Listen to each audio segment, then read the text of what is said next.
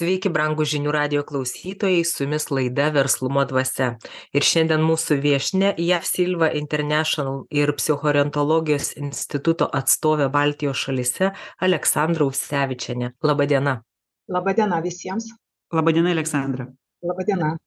Aleksandra, mes klausydami jūsų seminaro sugavom tokią mintį. Jūs kalbate apie žmogų, kada jis jaučiasi nevertas nevertas būti gerbiamas nevertas gilesnio pajautimo ir suvokimo. Tai aišku neturintis poreikio daryti kažkam įtaką pirmiausia savo paties gyvenimui. Žodžiu jis mažiukas ir jis pradeda tai teigti kad aš esu mažas aš esu menkas. Pasaulis problemos tokios didelės todėl aš turiu teisę būti toksai. Argumentas. O ką aš galiu pakeist tai reiškia savy savo gyvenime. Ir šiandien ta būsena žmonių jinai yra nuolat skatinama kad žmonės būtų kuo mažesni kuo paprastesni užsidarę savo penkiuose instinktuose. Mums sudaro visas sąlygas kad mes tik juos tenkintume. Edita surado ištrauką iš laidos autoriaus knygos. Mes ją paklausom ir paskiau labai norėtųsi išgirsti jūsų komentaro būtent tuo aspektu prašau Ištrauka iš Augustino Rakausko knygos Globali jausmo proto dvasia. Tiksliai apibūdinti jausmą nėra lengva. Neretai yra taip, kad kuo jausmas paprastesnis, tuo sudėtingiau jį paaiškinti, kad kiti jį suvoktų taip, kaip jį jaučia kalbėtojas stengiantis žodžiais kuo tiksliau nusakyti savo jautimą dažnai dėl mūsų proto ribotumo šie neapsakomi jausmai tarsi stringa gomuryje. Pavyzdžiui pabandykime nestereotipiškai pasiaiškinti išankstinio nerimo nepasitikėjimo baimės būseną. Paprastai mes bijome nemalonaus jausmo kurį patirtume jeigu aplinkybės susiklostytų mums nepalankiai.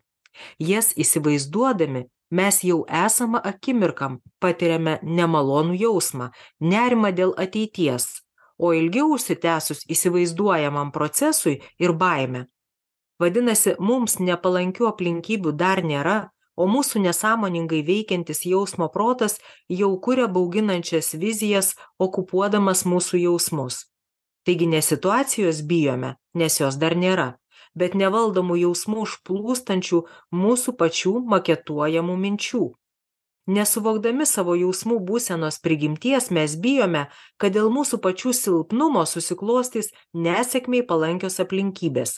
Mes bijome nesuvaldomo savo nesąmoningumo apribojančių mūsų sielos būseną ir neapibrėžtumo trukdančio mūsų sąmonei jausmo protu suvokti globalaus proto mintis kurios visada smarkiai veikia silpnai išvystytą jausmo proto sąmonę.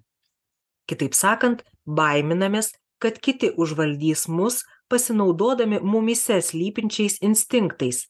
Nes papuolę į jų valią nustojame sąmoningai valdyti savo jausmus nesąmoningi jausmai ima valdyti mus materializuodami praeityje sielos traukų suformuotas karminių šmėklų vizijas.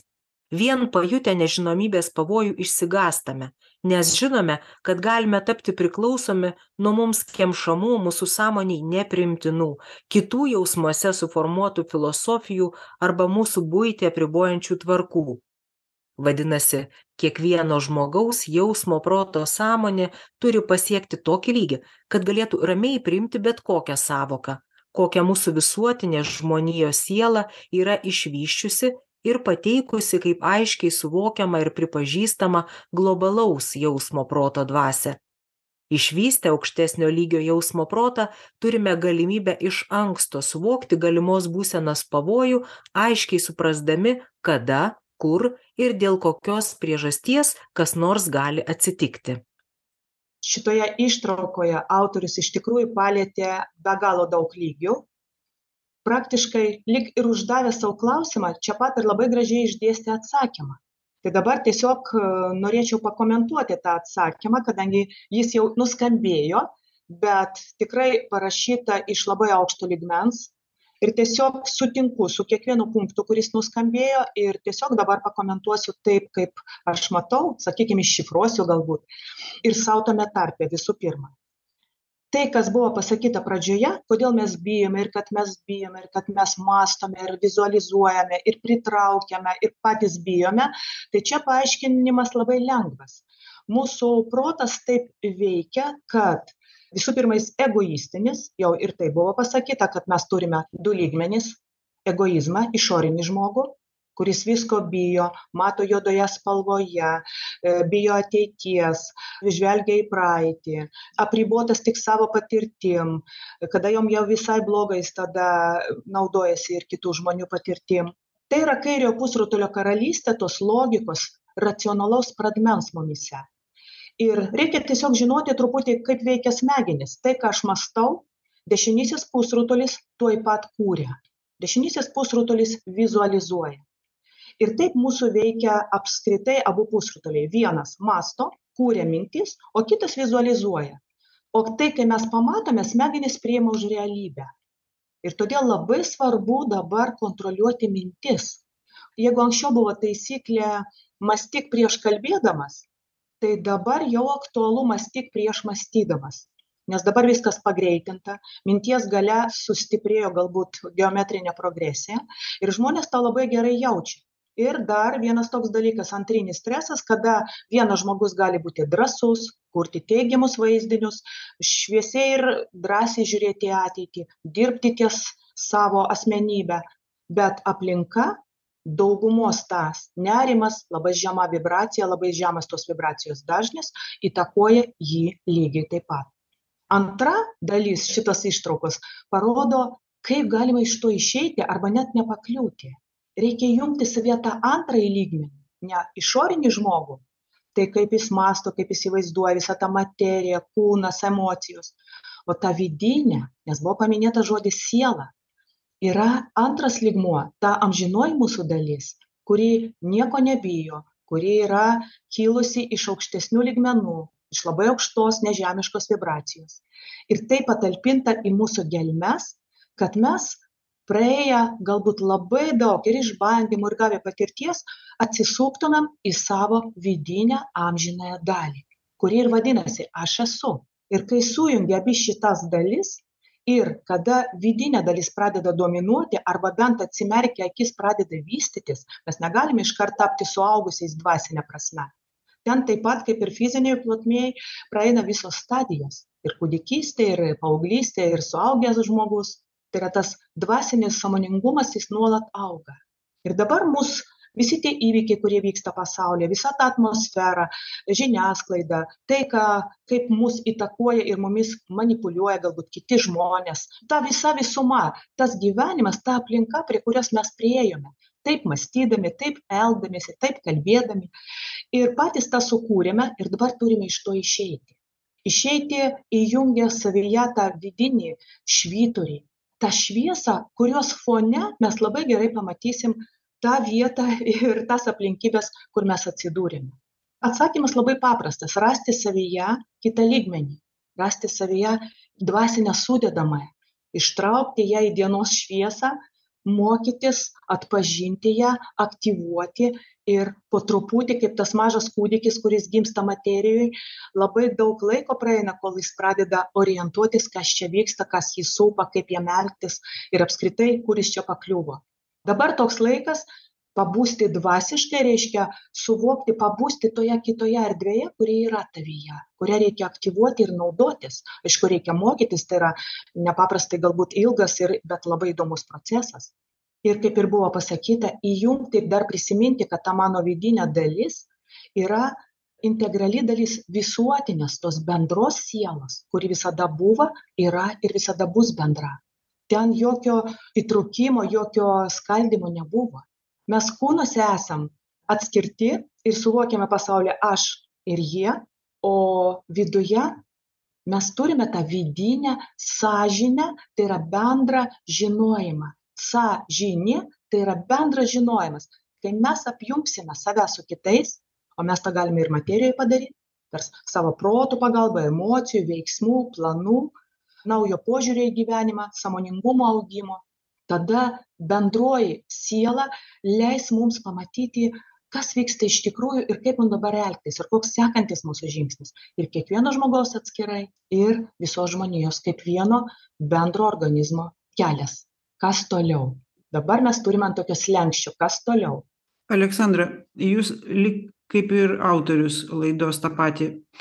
Žmogus patenka aplinkos dėka į tokią konfliktinę situaciją. Kai pats e, sako kad jis bijo iš anksto savo būsenos kurią protas momentaliai išnaudoja ir jam projektuoja tas vizijas nuo kurių jisai taip grubiai kalbant pats užsiverčia. Jis kuria ir paskiau pats kenčia ir vėl išgyvena ir iš to rato neišeina. Ir tai vyksta nuolatos sąveikoje su aplinka ir tiek autorius ir tiek jūs sakote bet jis turi iš to išeiti. Jis turi savyje tai kas tas yra jis turi jis privalo. Ir kaip susiformuoja tada many tas poreikis nežinau kaip tai pavadint kas man sudaro tas sąlygas. Lygiai tie patys žmonės. Tiek jūs tiek laidos autorius kalbate apie tą vieną organizmą tačiau kaip pasiekti tų pačių žmonių kurie mane atvedė į tokią būseną kad aš kenčiu tų pačių žmonių dėka aš galiu gauti iš jų tą suvokimą kad mes vienas organizmas. Gal galėtumėt šitą abrakadabra taip visiškai teisingai. Vyksta vėlgi tas pats principas kaip ir materijoj. Jeigu mano kūne yra skirtingi organai liaukos audiniai ląstelės tai jos veikia suderintai ir tai yra sveiko organizmo sąlyga kai aš esu žmonijos ląstelė ir mane supa lygiai tokios pat dalelės bendro organizmo. Ir jeigu aš jau žiūriu į žmonės ne kaip į būtybės, kurios mane ten sunervino, pažemino, e, apibarė, dar kažkaip pakenkė, o savo augimo sąlygas ir savo pasveikimo sąlygas. Tai yra bendras organizmas, kuris man irgi duoda atgalinį ryšį. Aš praėjau lygiai taip pat per tuos visus procesus ir toliau einu kada nustojau vertinti kaltinti pro egoistinius akinius pro egoistinę prizmę. Ir kada sau uždaviau klausimą įvarytą į kampą o ką jie man kokią žinią jie man neša kodėl jie taip reaguoja. Dabar aišku yra visokių psichologinių tokių seminarų kur pasakyta kad žmonės yra mūsų veidrodžiai asmeniškai tikrai patariu pasidomėti šita tema ir matau net kartais žmonės kurie neturi žalio supratimo apie tai nesidomėję tuo klausimu jie patys pradeda taip sakyti. Žmogus atspindi mane. Aš pradėjau ieškoti kodėl jis taip sureagavo ir pamačiau kad aš pirmas pradėjau. Reiškia dabar visi žmonės visi reiškiniai viskas kas supa mus jie yra mūsų veidrodis ir mum kažką nori pasakyti. Atspindi tai kas slypi manyje giliai ko aš pats galbūt nesuprantu ar nematau. Ir jeigu aš truputį laiko taip stabtelsiu ar tiesiog sustabdysiu tą reakciją kada aš įprastai dabar susinervinsiu ar ten kažką garsiai pasakysiu arba sakysiu nenoriu su tavim kalbėti arba užpyksiu arba įsižeisiu aš pasakysiu sau stop ir prasuksiu kita linkme savo mąstymą. Turiu mąstymą turiu vizualizaciją turiu protą turiu širdį sielą. Aš įjungiu visus savo mechanizmus ir klausiu stop aš gi nekvailas žmogus. Aš išsilavinęs aš daug mąstau dirbu su savimi ieškau savęs ieškau savo vietos po saule kažką pasiekiau dar kažko dar norėtųsi turiu svajonių. Negi aš dabar nepajungsiu tai ką aš turiu savyje kitame lygmenyje. Aš visada vertinau aš nevertinu aš nepažįstu šito žmogaus net jeigu tai yra artimas žmogus tai yra kitas pasaulis. Stop aš nematau šito žmogaus likimo aš nematau kas galbūt jam atsitiko prieš valandą kodėl jis taip elgiasi bet aš tiesiog sustok akimirką kas čia įvyko ir aš noriu pažiūrėti kad aš esu to priežastis ir kur manyje slypi ta savybė ta vibracija tas impulsas kuris rodo man tokią pasaulio viziją tokį pasaulio vaizdinį viskas pasikeičia iš esmės. Taip baimė tai yra žmogaus palydovas nuolatinis. Nereikia bijoti tos baimės. Ko aš bijau? Paprastai baimė yra ten kur kažko neteksiu kartą prie manęs priėjo moteris ir paklausė sako mano gyvenime puikiai klostosi viskas absoliučiai viskas. Šeima santykiai e, anūkai. Bet aš nuolat kažko bijau ir aš net nežinau ko bijau. Ir taip aš intuityviai jai pasakiau, jūs bijot visą tai prarasti. Sako, neapsakoma, nėra konkretumo toje baimėje, bet jie nuolat mane lygi. Dieną naktį, kažkur pasąmonė, kiekvienoj lastelį. Bijot prarasti tą tobulą gyvenimą, kurį sukūrėt. Va, tai baimė visada lydi tą galimybę prarasti. Bet dabar tokie laikai, kad iš mūsų atima priverstinių būdų, kaip sakiau, priverstinai savo norų. Pažiūrėkit, kiek netenka žmonės dabar, kada taip viskas greitai keičiasi per įvairiausius įvykius. Net ir per pandemiją, kai mes buvom tarp keturių sienų visata visa ta tobula sistema kurią mus sukūrė. Jinai mus kaip ant kažkokio radaro ant kažkokio dangaus kompiuterio mato kiekvieną ir veda. Kitaip visame tame nėra jokios prasmės. Ir jeigu mes bandysime kitaip į kitą mąstymo lygmenį išeiti kitaip pažvelgti į tai kas vyksta. O kas už to matomo pasaulio už to mano elgesio už žmonių tokio elgesio su manimi ir ne tik su manimi tarpusavy apskritai už to visko kas dabar vyksta pasaulyje yra kažkoks antras dešimtas tūkstantasis planas. Bet aš jo tiesiog dabar nematau aš noriu jį pamatyti. Ir tada stop ir prasisuka visai kitokios reakcijos. Aš save stabdau reaguoti įprastai. Aš galiu tą padaryti. Man duotas protas. Man duotos reakcijos. Man duotas visi tie hormonai kurie kuria mano nuotaiką. Bet aš galiu sau pasakyt kad aš esu tame šeimininkas aš nieko nebijau tegul būna ta reakcija tegul būna ta baimė aš dabar panagrinėsiu save. Aš atversiu savyje tą antrą trečią ir kelintą ten planą. Svarbu dabar nustoti elgtis įprastai.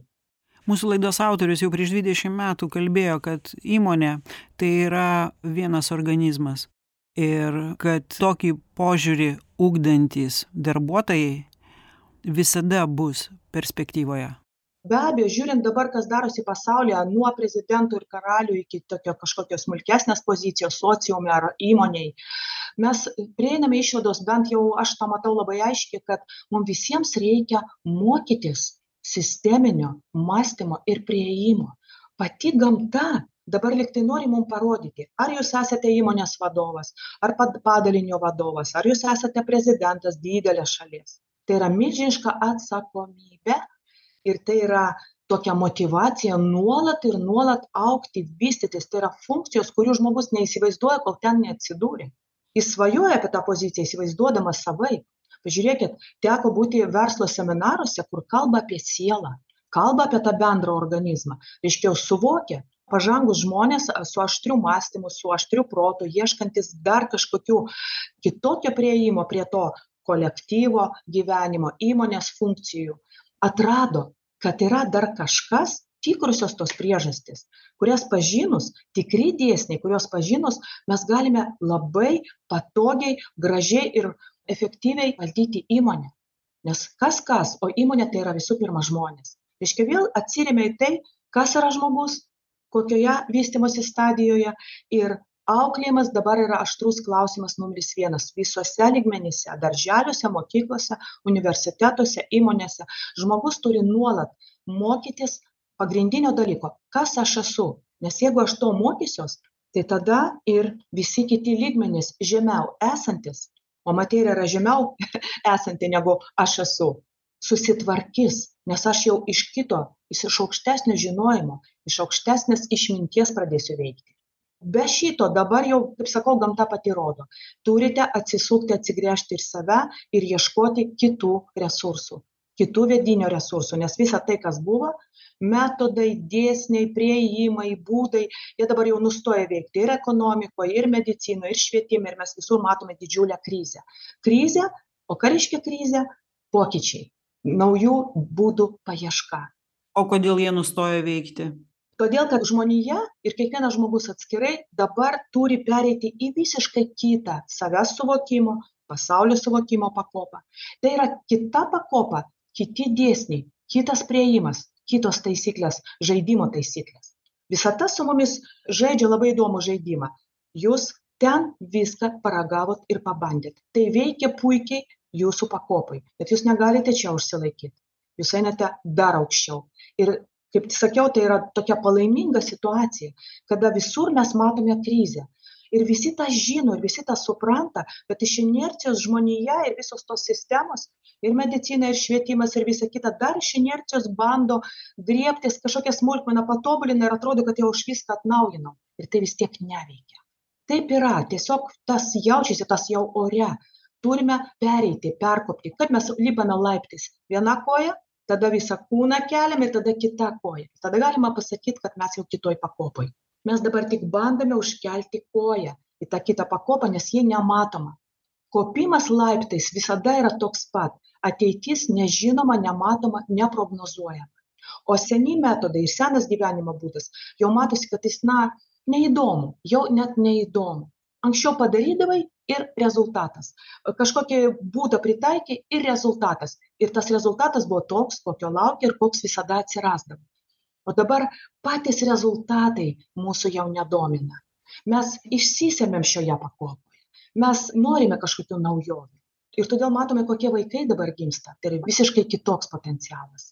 Mūsų patirtis, daugumo žmonių patirtis teikia skausmą. Mes žiūrim į pasaulį per skausmą ir sakom, pasaulis yra toks. Mūsų laidos autorius teigia, kad mūsų patirties būsena kuri turėtų apimti tris laikus tai žinoma praeitį dabarties šį momentą ir nuolatos tą projektuojančią mūsų ateitį tai šitoje mūsų būsenoje turėtų vyrauti keturi pagrindiniai faktoriai. Tai išmintis teisingumas tikėjimas ir meilė jaučiu kas tai turėtų būti. Kaip mano būsenoje turėtų sąveikauti šie keturi faktoriai. Man tai aukštasis pilotažas. Bet pasirodo tokia būsena aišku jinai dvasinė būsena. Mes galime pradėt sinchronizuotis su ta nauja pakopa apie kurią jūs kalbate. Vadinasi ta nauja pakopa į kurią aš žengiu štai ką apie jūs kalbat ir mūsų autorius kalba kad viskas yra tame žingsnyje mes kaip virš dangaus ir žemės. Yra visos šitos sudedamosios. Matot kaip yra. Kaip ir sakiau tas mūsų vidus tai yra visai kitokia vibracija ir joje yra viskas. Ir išmintis ir tiesa ir ta sąžinė tas toks kažkoks aparatas jautrus kuris iš bendro žinojimo vakare galbūt žmogus kažką pasakęs padaręs ar tiesiog mąstęs daug negerai vakare labai kankinasi. Net niekas nematė ir nežinojo kaip ten viskas buvo. Bet tas vidinis jo visuotinis iš bendros sielos pozicijos žinojimas kuris slypi jame jis jam neleidžia savęs apgauti. Labai mėgstu šitą pavyzdį. Gilė tokia mažytė tokia nu savotiška graži. Iš jos galima daug visko pagaminti bet joje yra jau visos būsimos ąžuolo pakopos. Visos būsimos šakos visi lapai ir visos tos stadijos. Ir galbūt jis ten gyvuos šimtą ar du šimtus ar daugiau metų. Ir viskas tai yra vienoje gylėje. Kaip tai telpa? Telpa potencialas.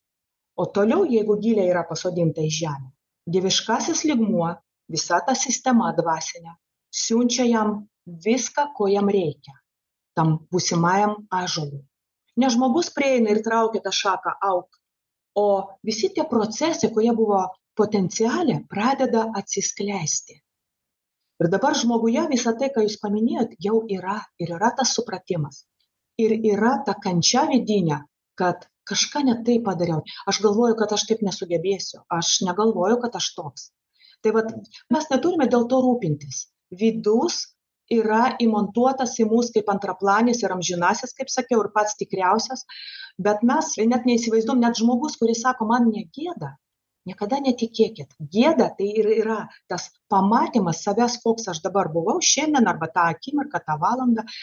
Tos vidinės šviesos mumyse fone tu negali savęs apgauti.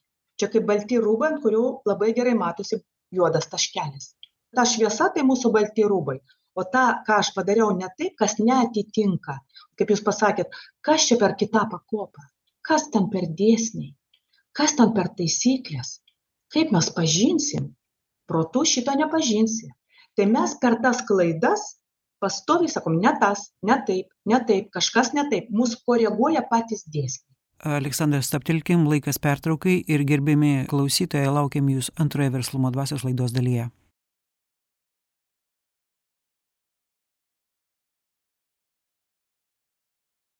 gerbiami klausytojai verslumo dvasia antra dalis mes kauno studijoje ir kalbame su mūsų viešnia su dėstytoja lektore aleksandra usevičiene kalbėjom pirmoj daly apie gylę kurioje slypi visos ąžuolo pakopos apie tą potencialą.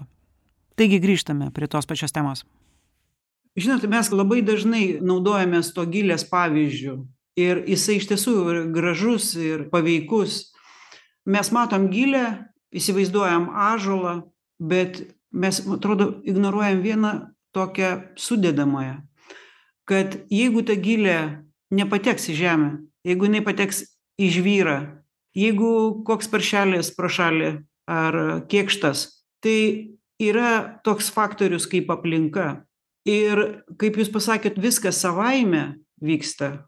Ar jūs tikrai to tikite iš patirties kad žmogus turėdamas didžiulį potencialą ir patekęs į aplinką bet kokią bet vis tiek jį veikia dėsniai ir štai jisai kaip ąžuolas pradeda bujoti. Mes matome daugybę sulaužytų sudaužytų likimų. Čia yra tas vienas faktorius prie kurio mes galbūt prieisime apie mano kaip tos gilės sąmoningą pastangą.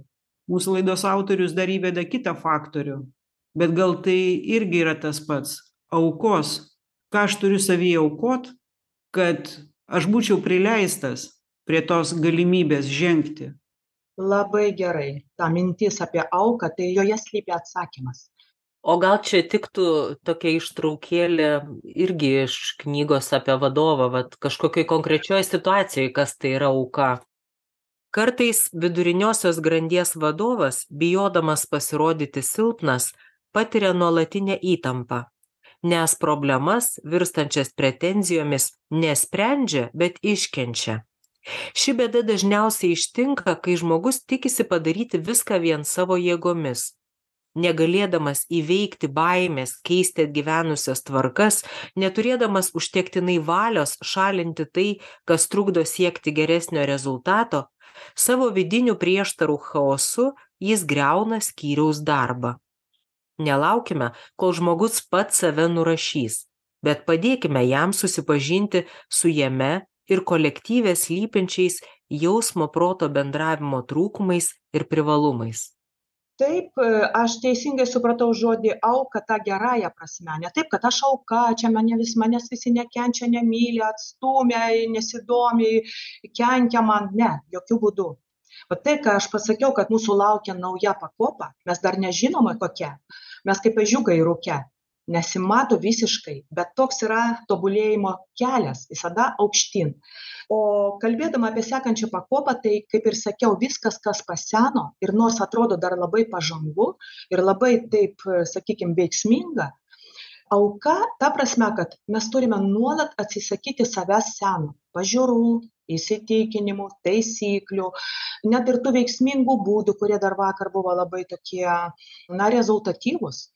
Tai auka tai nebijoti numirti kažkuria prasme viduje atsisakyti kažko seno savyje.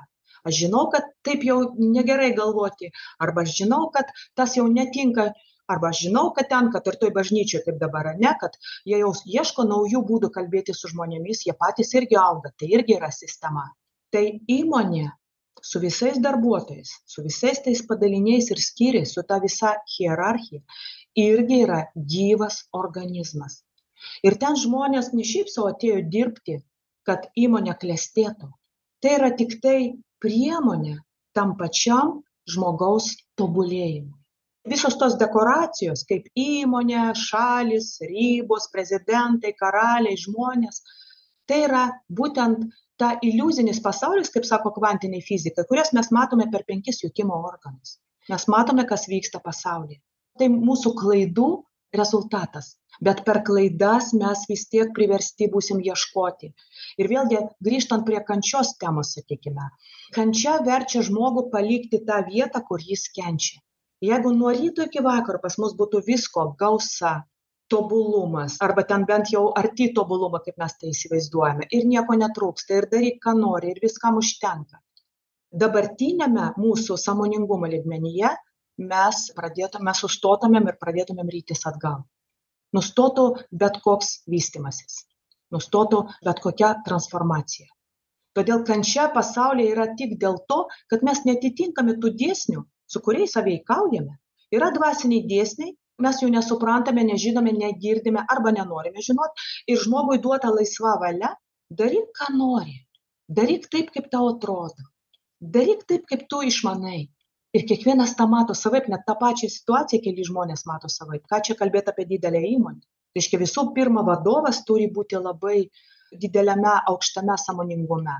Bet jeigu jis turi tą samoningumą, jam tas samoningumas ir ta vidinė išmintis, ir ta tiesa vidinė, ir tas grožis, ir tas potencialus tobulumas, būtinai jam pasakys, ką ir kaip daryti. Bet niekas nesakė, kad tai būna greitai ir kad tai atneša iš karto tobulų rezultatų.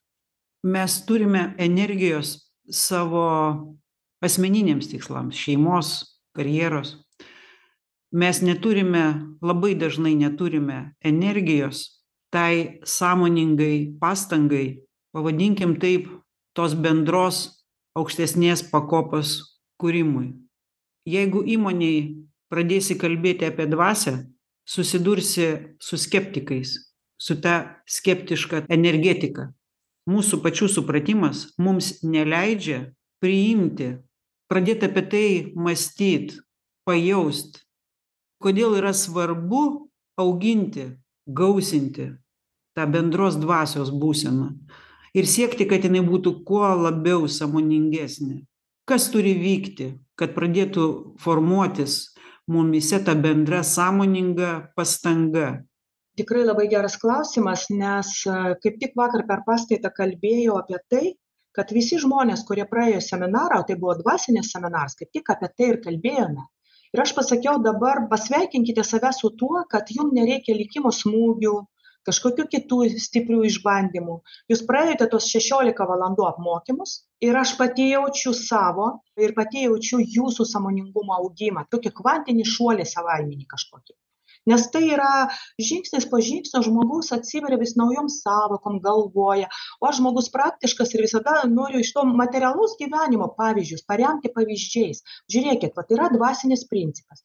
Pažiūrėkit vat kaip mes tai tą darome gyvenime. Pažiūrėkit koks gaunasi rezultatas. Arba nedarome ir atsakant į tai ką daryti su žmonėmis kurie iš tikrųjų turi tą protesto e, nesutikimo dvasią. Tai yra ego labai stipriai išvystytas ir ten žmogus dar nepabudęs ir jis kaip tik priešinsis kažkokiai tokiai kalbai. Tai jam dar ne laikas. Bet yra dar viena gera žinia kiekvienas žmogus kuris plečia savo sąmoningumą jau pabudo domisi tais klausimais ir nesustoja vis toliau ir toliau dirba ta linkme dirba su savimi ieško klysta krenta kyla vėl klysta vėl supranta kad ne visai taip ir vis arba visai ne taip. Bet tas jo aktyvuotas vidus jis veikia visą jo visatą. Jis veikia šimtus tūkstančių ir milijonų žmonių. Ir tiem žmonėm skeptikam kurie dar visiškai tolimi nuo to ir jiem dabar kol kas ir nereikia ir anksti ir net kenksminga apie tai girdėti. Jų pasąmonė vis tiek pasiekia to jau suaktyvinto sustiprinusio savo sąmoningumo prasiplėtusio dvasiškai žmogaus įtaką nes mes viena sistema. Būtent tas ir yra gerai kad mes visi esame gyvas organizmas ir todėl jeigu viena ląstelė jau supranta organizmo sandarą žino ką jai daryti žino ką kiti organai turi daryti ir kaip tai turi atrodyti ji neturi lakstyti po visą organizmą ir sakyti žiūrėk paklausyk reikia va taip daryti. Ta kita ląstelė sakys žinai neklausysiu tavęs. Bet jeigu ta sveika ląstelė pradės pati tą daryti teisingai tai mes suprantame kad visam organizmui bus geriau lengviau ir sveikiau. Ir tam organui kuris priešinosi arba priešintųsi su juo nereikia pradėti tokių kalbų. Tiesiog reikia pačiam atlikti maksimaliai iš dvasinės pusės maksimaliai tą kas jam duota dabar šiandien suprasti ir daryti. Ir iškart pasveiksta visas organizmas. Kadangi tai yra viena bendra siela tai mano fragmentas yra visuose jumyse o jūs visi esat manyje. Ir jeigu aš šiandien kažką supratau tai mano fragmentas jumyse jum padovanos. Tiesiog be jokio vidinio darbo be jokių vidinių pastangų nes žmogus tam nepasiruošęs. Tai mano funkcija mano pagalba jam mano dovana. Jis dabar galbūt vairuoja autobusą kuriuo aš važiuosiu o aš dėl jo ne tik dėl savęs kažką dirbu su savimi ir tą savo naująjį suvokimą padovanoju jam automatiškai, nes taip veikia sistema. Ir staiga važiuodamas ir vairuodamas ir žiūrėdamas į kelią, kad ten paisyti ženklų, jis staiga pažiūrės į veidrodį visą saloną, kur pilna žmonių. Ir jo širdį užlies tokia palaima ir tokia kažkokia nepaaiškinama meilė jiems. Oho, kiek žmonių važiuoja ir aš vairuoju tą autobusą ir aš atsakingas už juos. Reikia dar atsargiau, reikia dar gražiau. Tai yra gyvi žmonės. Suprantat, mes niekada nežinom, kaip mūsų vidinio samoningumo augimas atsilieps visiems, bet atsilieps visiems be abejo, nes taip veikia sistema. Ir negalima per prievartą dar kažko žadinti. Jeigu, kaip sakiau, vadovas arba ten bent keli vadovai supranta jau, kaip veikia tie visi dalykai, jie tiesiog gali taip darbą organizuoti, taip įstatus surašyti, tokias funkcijas paskirstyti, nekalbėdami, kad čia dvasiškai taip reikia nes tai dvasinis augimas ir dvasinis veikimas jis nėra kažkoks ekstra. Jis yra visiškai žemiškas. Mes galime dvasingumą atskleisti paprastame gyvenime kiekvienoje paprastoje gyvenimiškoje situacijoje. Jeigu aš pasakysiu aš noriu dabar padaryti tą ir tą žiūrint dvasios akimis aš nežinau ką tai reiškia bet aš tokiu būdu iškart įjungiu arba pasijungiu prie tos sistemos kuri žino kaip tai padaryti ir ji mano rankas mano protą mano siekį mano tikslą įšventins padarys kitokį. Ir tai galima praktikuoti kaip sakiau visame kame įmonėje šeimoje visur mokyklose švietime medicinoj visur kitur. Kažkas daro ir dovanoja save visiems. Kol kiti žmonės aptarnauja ir daro tai ką jie dabar gali. Mes negalime visi visko mokėti mes dirbame viens kitam mūsų laidos autorius dažnai sako, kad e, bendrų tvarkų kūrimas, jis padeda auginti įmonės kolektyvo tą bendrą dvasę. Kad net jeigu tu esi toj patalpoj, kur kūriamos tvarkos, tu klausai, girdi, tu nieko nepasakai, gal net fiziškai praktiškai nelabai prisidedi.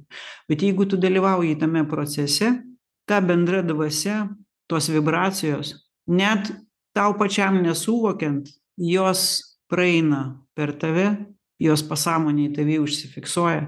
Tai aleksandrai kas gi tai yra ta dvasios galia? Kadangi dvasinė sistema yra tobula tiek dėsnių kurių mes net neįsivaizduojame tiek matematiškai aprašomų dvasinių dėsnių formulių kurių mes nežinome viskas jau yra ir dabar. Mes tiesiog to nematome nes neturime dar tokių savybių bet kadangi mes esame kaip vaikas motinos įsčiose esame toje energijoje ir informacijoje dvasinėje kad mes nesuvokiame nereiškia kad jos nėra. Dabar ir telė ir visokios kitokios bangos pilnas kambarys bet prietaisas gali pagaut o mes ne nes neturim tokių savybių. Bet kadangi į mus įdėta ta dvasios universalios energijos šaltinio tas lašelis o pats tas šaltinis yra okeanas aš turiu tą kruopelytę savyje ir kai tik aš noriu kažką geriau padaryti mąstyti pažinti save jeigu aš tiesiog suklydau ir sau užduodu paprastą praktinį klausimą ką ne taip padariau? O ypač jeigu dar ten sąžinė prisideda sako tu čia apgavai tu čia sumelavai tu čia iškreipei tiesą. Arba kaip jūs sakėt įmonės vadovas mini vadovas žemesnio kažkokio rango nesvarbu gėda ar bijo prisipažinti kad kažkas ne taip mato bet nesako. Atvirkščiai dengia tuos blogus rezultatus tai mes tokiu būdu norėdami kažką pagerinti mes tuoj pat į tų visų dvasinių lygmenų energiją aktyvuojame. Mes pradedame su ja sąveikauti. Ir būtent jį vat kaip jūs sakėt iš kur paimti energijos? Energijos yra begalinė gausa. Ir jeigu aš noriu tobulėti noriu būti geresnis noriu tiesiog kažką geriau padaryti geriau ne blogiau teisingai padaryti o ne apgauti draugauti o ne konkuruoti bendradarbiauti o ne manipuliuoti žmonėmis. Tai tai yra labai jau savaime tos emocijos tų mano ketinimų tų mano norų labai aukšta vibracija. Ir tada aš prisikviečiu tą šviesą. Šviesą ne elektrinę ne saulės šviesa dvasinė labai didelė gili sąvoka. Bet mes analogiškai pagal dvasinę šviesą pavadinom ir žemišką šviesą būtent tokiu žodžiu mes pritraukiame ir tada ta energija jos kiek tu būni toje vibracijoj kiek tu nori tobulėti kiek tu nori rasti save ištraukti iš savęs tą sekančią savęs pakopą kaip gilė kuri pasirodė kaip daigelis paskui jau daugiau šakų paskui žiūrėk jau pirmi vaisiai lygiai taip pat aš, aš turiu savyje tų būsimų formų be galo daug. Ir aš nežinau, kokios jos. Ar galėtumėt trumpai atskleisti savo požiūrį į tokį pasakymą, kad iš ego išeiti padės ego? Taip, ego pats save sunaikins, nes jis visą laiką tuščias. Ir anksčiau ar vėliau, kada jis jau pasitenkina materialių lygmenių, o kaip tas vyras jaunas, kuris man seminare pasakė, nežinau, kur save dėti ir paaiškinti man mano būseną. Taip ir ego, jis anksčiau ar vėliau supras, kad čia materijoje nėra ką veikti. Net į kosmosą nuskrydom, norėjom ten mėnulėje miestus statyti arba į Marsą skraidyti kaip keleiviai. Ir neįdomu, nes yra dar kažkas. Pats ego taip sukurtas, kad jis yra, ta prasme, minusas, kuris sukurtas aukščiausio ligmens, jis yra lygiai taip pat pagal modulį galingas koks ir pliusas. Ir jeigu žmogus išėjo į didesnį pliusą, tuoj pat atsiveria jame dar didesnis minusas. Sako, maža, dar, eik dar, eik dar toliau, dar didesnės kokybės. Ir tie žmonės, kurie jau pabudo dvasiškai, juos ego atvedė. Sako, nori kažkokios kokybės, kažko aukštesnio. Ir sako, gerai, eik į dvasinius dalykus, eik susižinok, kas tai yra tas kažkoks aukštesnis lygmo, nes aš jaučiu, kad yra dar kažkas, eik, aš tave leidžiu. Taip, tokiu būdu aš net vienam išradėjui daviau tokį uždavinį kaip ateiti į dvasinį aukštumą dvasinį aukščiausiąjį tašką būnant egoistas ego įkalinti egoistinėj sistemoj egoistinėj norų piramidėj jis ten turėjo tokius labai įdomius labai gudrius ir labai tokius visa sistema ten yra išradybos teorijos uždaviniai uždavinių sprendimas išradybos uždavinių sprendimo teorija kuria aš irgi kažkada domėjausi jis po penkių minučių atnešė atsakymą aš buvau priblokšta egoizmas pats save sunaikins. O tam techniniai žingsniai, kurie leidžia spręsti uždavinius bet kurioj sistemoj. Biologijoje, technikoje nesvarbu. Ir aš nusprendžiau, duosiu aš jam tą uždavinį, ką jis man pasakys. Ir jis pasakė, jeigu pats save sunaikins, sakau, paaiškink, negaliu, taip veikia gamtoje principai. Va, laukas, va, ego laukas, va, dvasinis laukas. Ir ten po žingsnelius jis man pradėjo aiškinti bet aleksandra jūs sutinkate su tuo kad mes gamtos dėsnius ir visą visatą pažįstame tiek kiek ją pažįstame kiek sugebame kokios mūsų galimybės tiek mes ir galime sakyti pasaulis yra toks ego yra toksai. Kiek jūs dabar gradavote tuos lygmenis jūs visada sustodavot ties pagrindiniu principu kad visame veikia dualumas.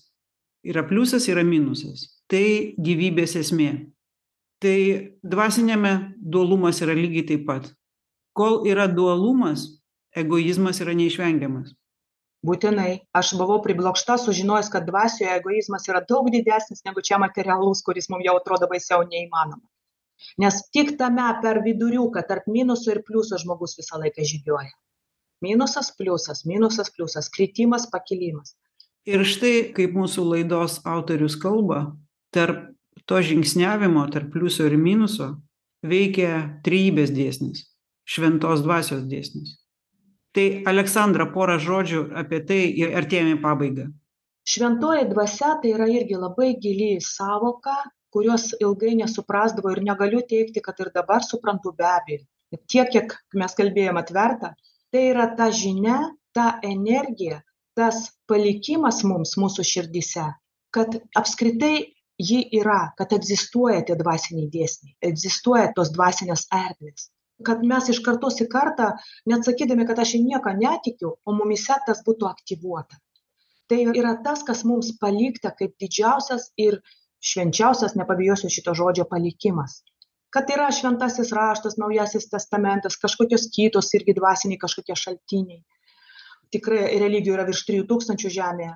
Bet šventoji dvasia tai yra tokia bendra sąvoka bendra energija ir informacija kuri neleidžia mums niekam prapulti sakykime tame kelyje. Tiki ar netiki agresyvus ar geras e, depresyvus ar ten e, optimistas. Visame kame kiekvienas iš mūsų vat kaip mes paminėjom gilę gali būt pasodinta gali būt išmesta gali išdžiūti ant saulės ar gali būt padėta ant lango.